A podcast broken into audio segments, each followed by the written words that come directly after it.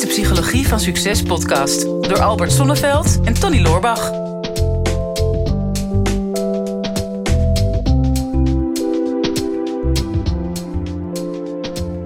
Nou, Tony, ik zou het wel fijn vinden om eens een keer een podcast op te nemen waarin we echt de diepte in kunnen gaan. Ja, eh, maar ik denk dat we het nu moeten kunnen na al die keer. Geen small talk meer. Nee. Ja. hey, een bruggetje. hey, een bruggetje. Want die, uh, dat was een vraag volgens mij hè, van iemand. Nou, ik dacht dat dat jou op het lijf geschreven is. Want jij, jij hebt altijd heel snel uh, diepe gesprekken met mensen. Ja. Ik had, ik had dat zeker uh, toen ik jou net leerde kennen. Dat, dat de eerste keer dat ik met jou sprak, dacht ik van hoe, hoe doet die man dat? Dat ik gewoon heel snel het idee heb dat ik al mijn problemen aan hem wil vertellen. En volgens mij heeft een halve land dat. Ja, gewoon een grote factuur sturen. Een soort van uh, messias die alle problemen op zich neemt. Ja. Maar, ja, nee, maar jij komt altijd heel snel diep in een gesprek. Ja. En mensen vertellen heel vaak heel snel hele persoonlijke dingen aan jou. Dus ja, ik ben heel benieuwd. Misschien kun je ons wat leren. Want de vraag is, gaat over small talk van uh, Gineke. Hij zegt, uh, hallo Albert, uh, sinds een paar dagen ben ik jullie podcast aan het luisteren. Met veel plezier. Uh, ik heb een vraag en ik ben benieuwd naar jullie advies. Sommige mensen praten heel veel, maar zeggen niks. Het gaat over het weer, de buurvrouw en iedereen behalve over henzelf. Uh, zelf ben ik niet zo van de small talk. Hoe ga je in zo'n gesprek meer de diepte in? Ja, mooie ja. vraag. Ja, nou herken ik dat natuurlijk helemaal niet. Om heel veel te praten en uiteindelijk niks te zeggen. Nee, nee wat dat betreft uh, zou je ook helemaal geen uh, politieke uh, carrière ambiëren, toch? Ja, ja ik denk dat, dat, dat, ik nog niet op dat level zit. Nee. Nee, nee, nee. Nee, nee maar ik denk, denk op zich niks mis met small talk. Ik denk dat het ook een skill is die je moet leren. Hè? Dat het beter is dan stil zijn of niet met mensen in gesprek komen. Ik denk dat het heel waardevol is dat je leert van hoe kan ik even een makkelijk oppervlakkig gesprek met iemand hebben. Hmm. Alleen daar wil je het natuurlijk niet bij, bij laten. Nee. Dus als je een keer de diepte in wil, hoe doe je dat dan? Ja, sowieso nooit over het weer hebben. Dus ja. daar, daar, begint het al. Okay. Dat is altijd uh, ooit in een van mijn Engelse lesboekjes stond... Uh, The weather is a favorite subject of conversation. Ja. Uh, zoals dat al zo mooi werd gezegd. Maar begin daar, begin daar niet aan. Hè. Dus ehm, misschien helemaal op het eind.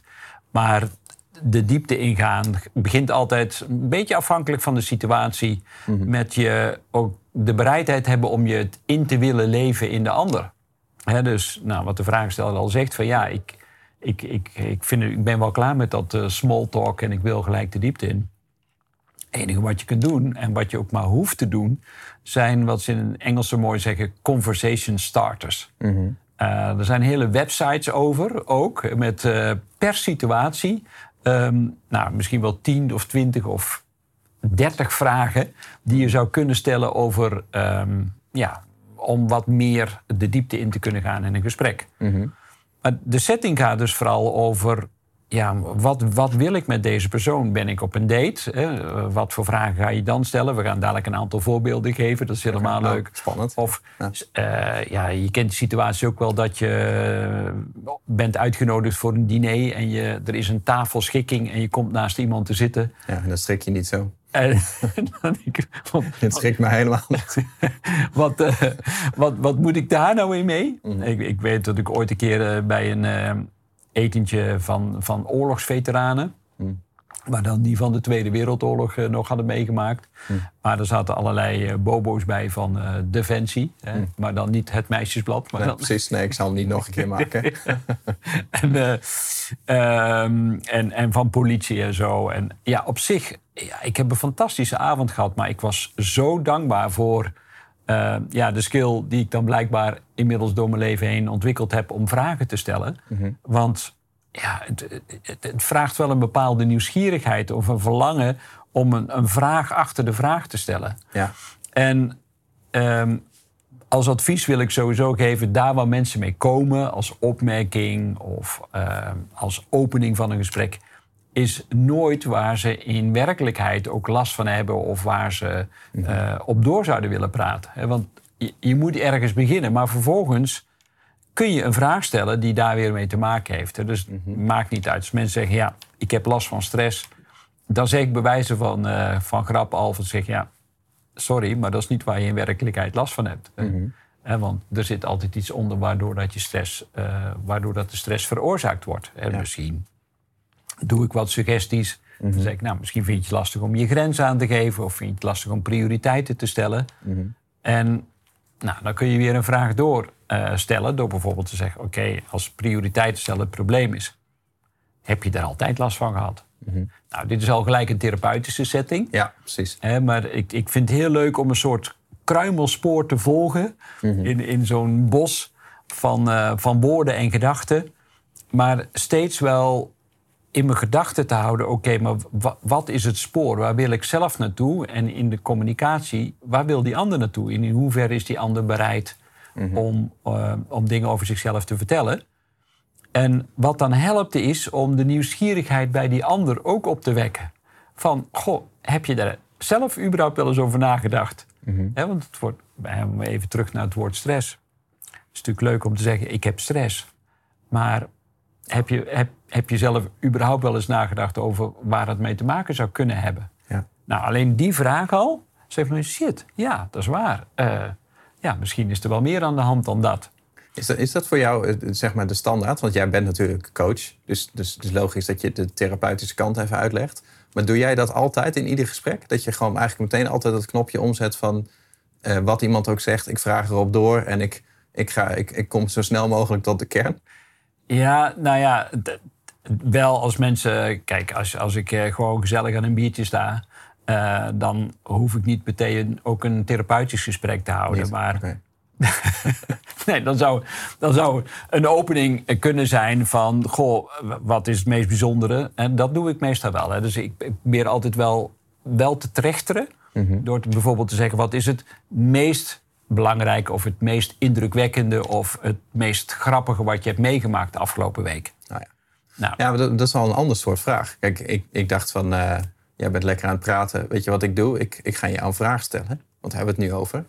En ik denk dat de, heel veel gesprekken, waaronder de meeste gesprekken die ik voer... zijn niet eh, mensen die met elkaar in gesprek zijn... maar twee mensen die tegen elkaar praten. Dat is Ja. iets anders dan een gesprek. Ja. Dus, dus iemand zegt iets en ik ga erop reageren met... oh, daar kan ik ook iets over zeggen. Daar weet ik ook een verhaal voor. En dat, en dat kan een heel leuk gesprek zijn, of de illusie van een gesprek.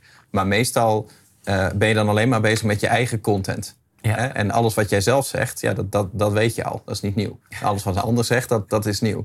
En dat, dat draai je om eh, door, door te vragen op wat de ander vertelt. Hè? Dus door gewoon het te gaan hebben over de passie van de ander... en Ja. nieuwsgierig te zijn naar iets waar iemand anders graag over praat... Dan, dan ga je meer de diepte in. Alleen, dan gaat die andere persoon dus de diepte in. Dat voelt altijd al een beetje oncomfortabel. En nu wilde ik net, omdat jij iets had verteld... denk ik, oh, ik ga ook wat vertellen. Ik denk, oh nee, wacht. Ik ga jou een vraag stellen hoe dat voor jou is. Maar ik gaf jou per ongeluk een multiple choice. Ja. Van, hè, doe jij dit altijd? En vervolgens gaf ik je een aantal opties van hè, hoe je dan... eh, of ik, ik gaf het antwoord er eigenlijk al bij. Want had ik iets van controle erop. want ik wil graag dat je dit bevestigt. Want dan kan ik iets over mezelf gaan vertellen. Heb ik toch een vraag gesteld. Maar wat, wat je aangeeft is natuurlijk al een heel ander soort vraag. Ja. Dus gewoon, eh, gewoon een, een open vraag stellen. Ja, ja, daar begint het mee. Het is altijd een open vraag. Maar er zit nog iets voor. En dat is de magie van het gesprek. Hè? Want nou, de afgelopen 30 jaar dat ik bij bedrijven en organisaties ben geweest... 9 van de 10 keer kreeg ik als opdracht hè, van de opdrachtgever... ja, er moet iets gebeuren bij ons eh, op de afdeling of binnen het bedrijf... op het gebied van communicatie. Dat was- nee. En als je dan een assessment doet of wat dan ook... en zeggen van, wat moet er hier verbeteren in het bedrijf? Ja, de communicatie moet beter. En dat is super vaag. Maar het eerste wat, wat er, waar het altijd over gaat in communicatie is de verbinding. En dus het gaat niet over de Tony Show of de Albert Show. Het gaat over. Zeggen wij in de Tony en Albert Show. Live bij u thuis in de woonkamer. Maar het gaat erover wat er hier tussen ons in gebeurt. En dit, dit vind ik altijd het meest magische, want dat is, per persoon is dat verschillend. Dus, ehm, en dan kijk, ik- kijken of ik dat kan uitleggen. Het, het is echt de synergie die er is, wat altijd meer is, de, de waarde, de som, dan eh, de waarde van de, de individuen apart. En een beetje een bijbeltekst, maar goed, daar waar twee of meer mensen in mijn midden tezamen zijn, of eh, tezamen zijn, zal ik in het midden zijn. En daar, daar zit ook het stuk vanuit mijn therapeutische kant van dat is ook wat geneest. Ik maak jou niet beter, jij maakt mij niet beter, maar dat wat wij gemeenschappelijk hebben, die overstijgt ons allebei en daar kunnen we allebei uit putten. En ik ben in een gesprek, eh, zeker als ik de diepe in, in ga, dan wil ik nooit zo alleen maar bij mezelf zijn of alleen maar bij jou zijn, maar goh, wat hebben wij nou gemeenschappelijk? En daar ga je dan op aan. Dus, dus als iemand over zijn passie gaat vertellen, dan direct doet dat iets met mijn eigen passie. Eh, want als ik een ander zie eh, en die begint een beetje te stralen en die begint te glimlachen of enthousiaste bewegingen te maken, denk ik, oh ja, eh, dat resoneert dan. Dat is een soort stemvork die dan wordt aangeslagen. Ja, en ik trilde dan in mee. Ja. ja, ik zie, ik zie je ook trillen, ja. Ja, Ja, maar, dat, maar dat, dat, dat, ik vind dat wel interessant. Kijk, het is natuurlijk heel makkelijk om te zeggen... van ja, je moet, je moet meer vragen stellen... in plaats van dat je meer moet gaan vertellen.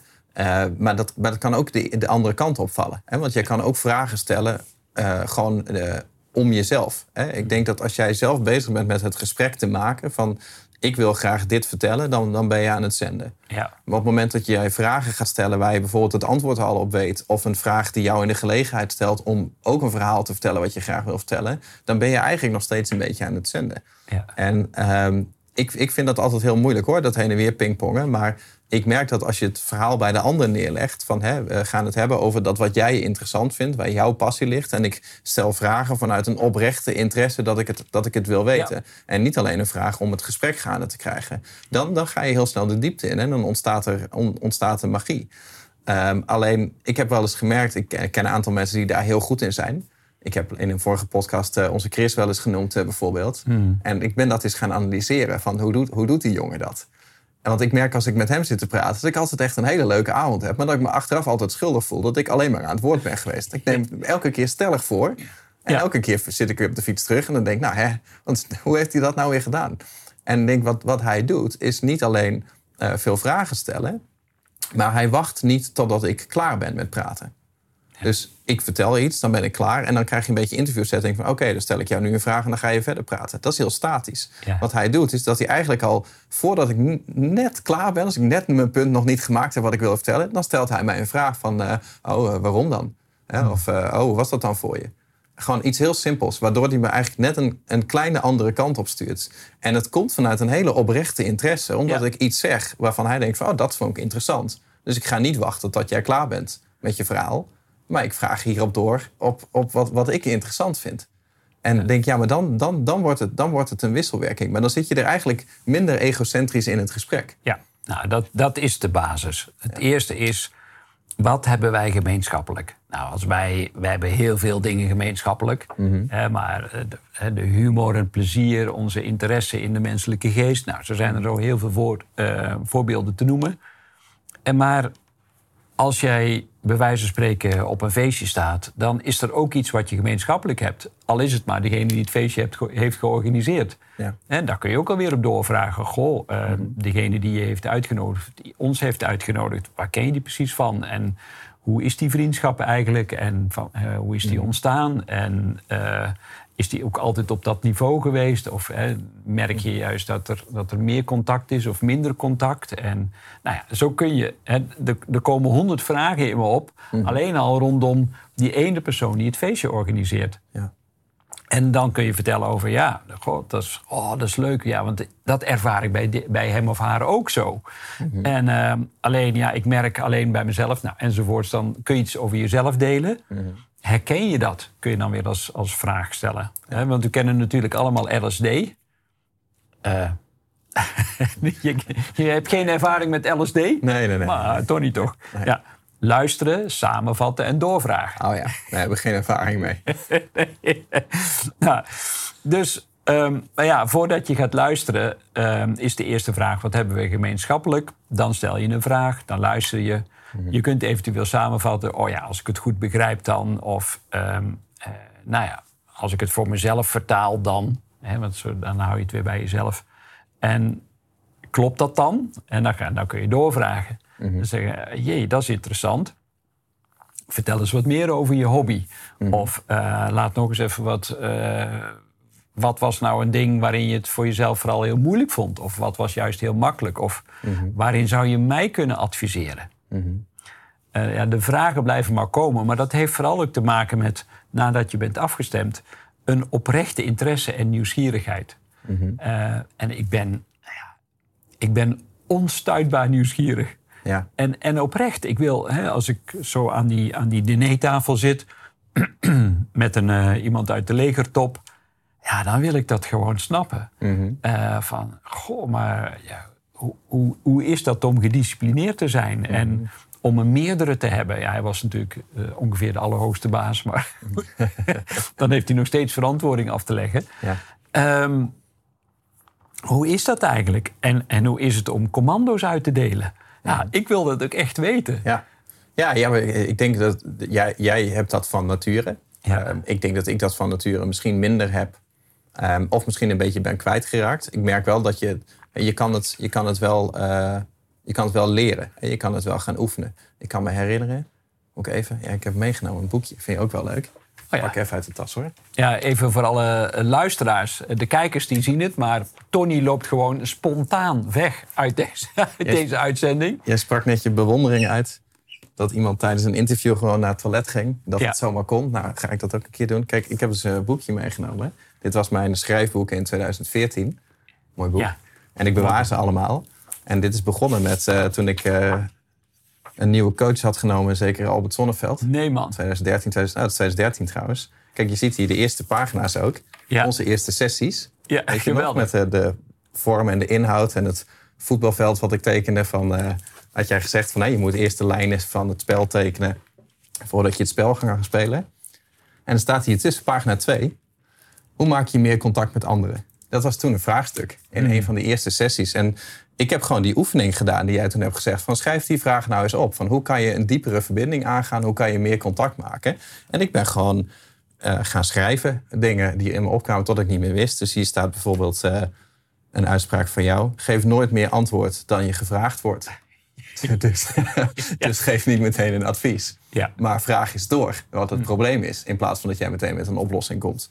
Ehm, laat anderen praten. Stel de juiste vragen.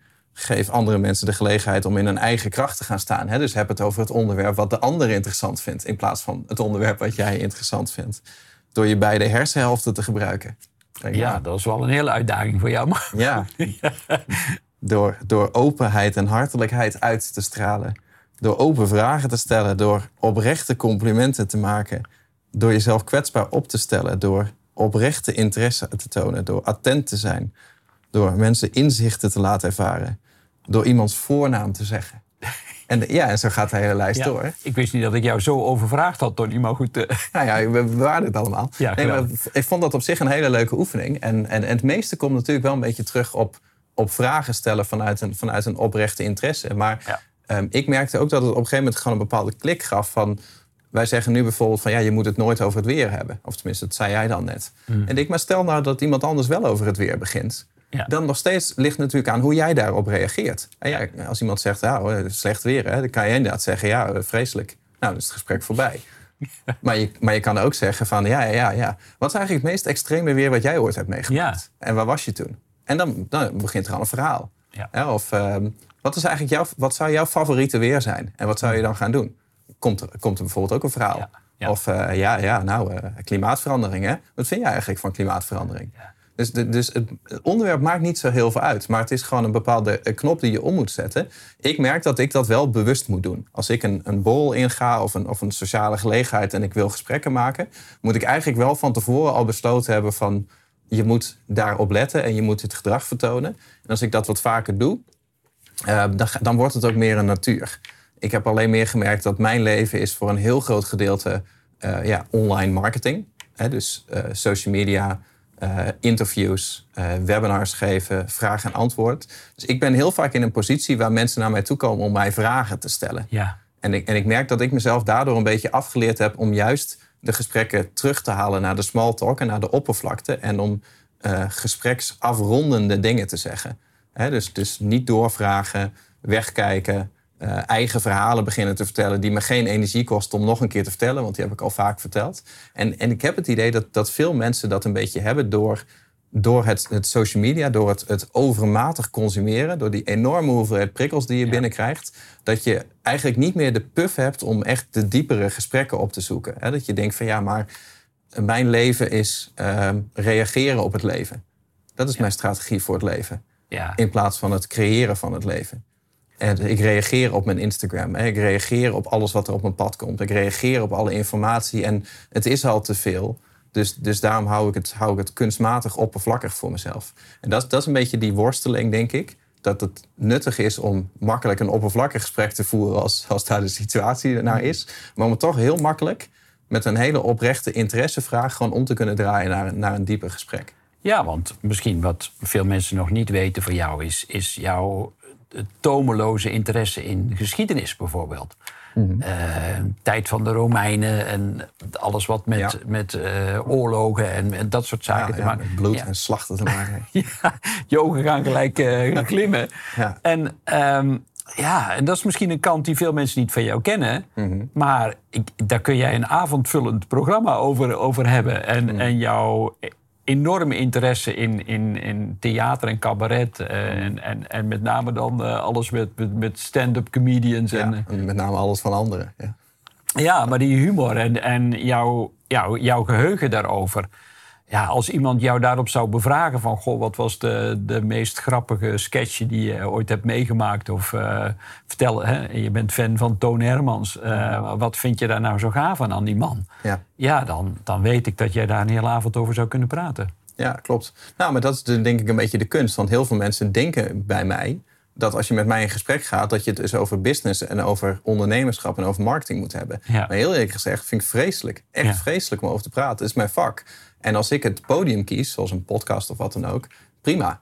Maar uh, als ik bij de bar sta met een uh, wijntje en iemand gaat mij ondernemersvraag stellen, ja, dat is, dat is verzadigd bij mij. Dat, misschien hmm. komt dat ooit weer open, maar ik vind, dat, ik vind dat niet leuk. Ik wil het gewoon inderdaad over, uh, over, over foute humor en vrouwen en geschiedenis hebben. Noem maar iets.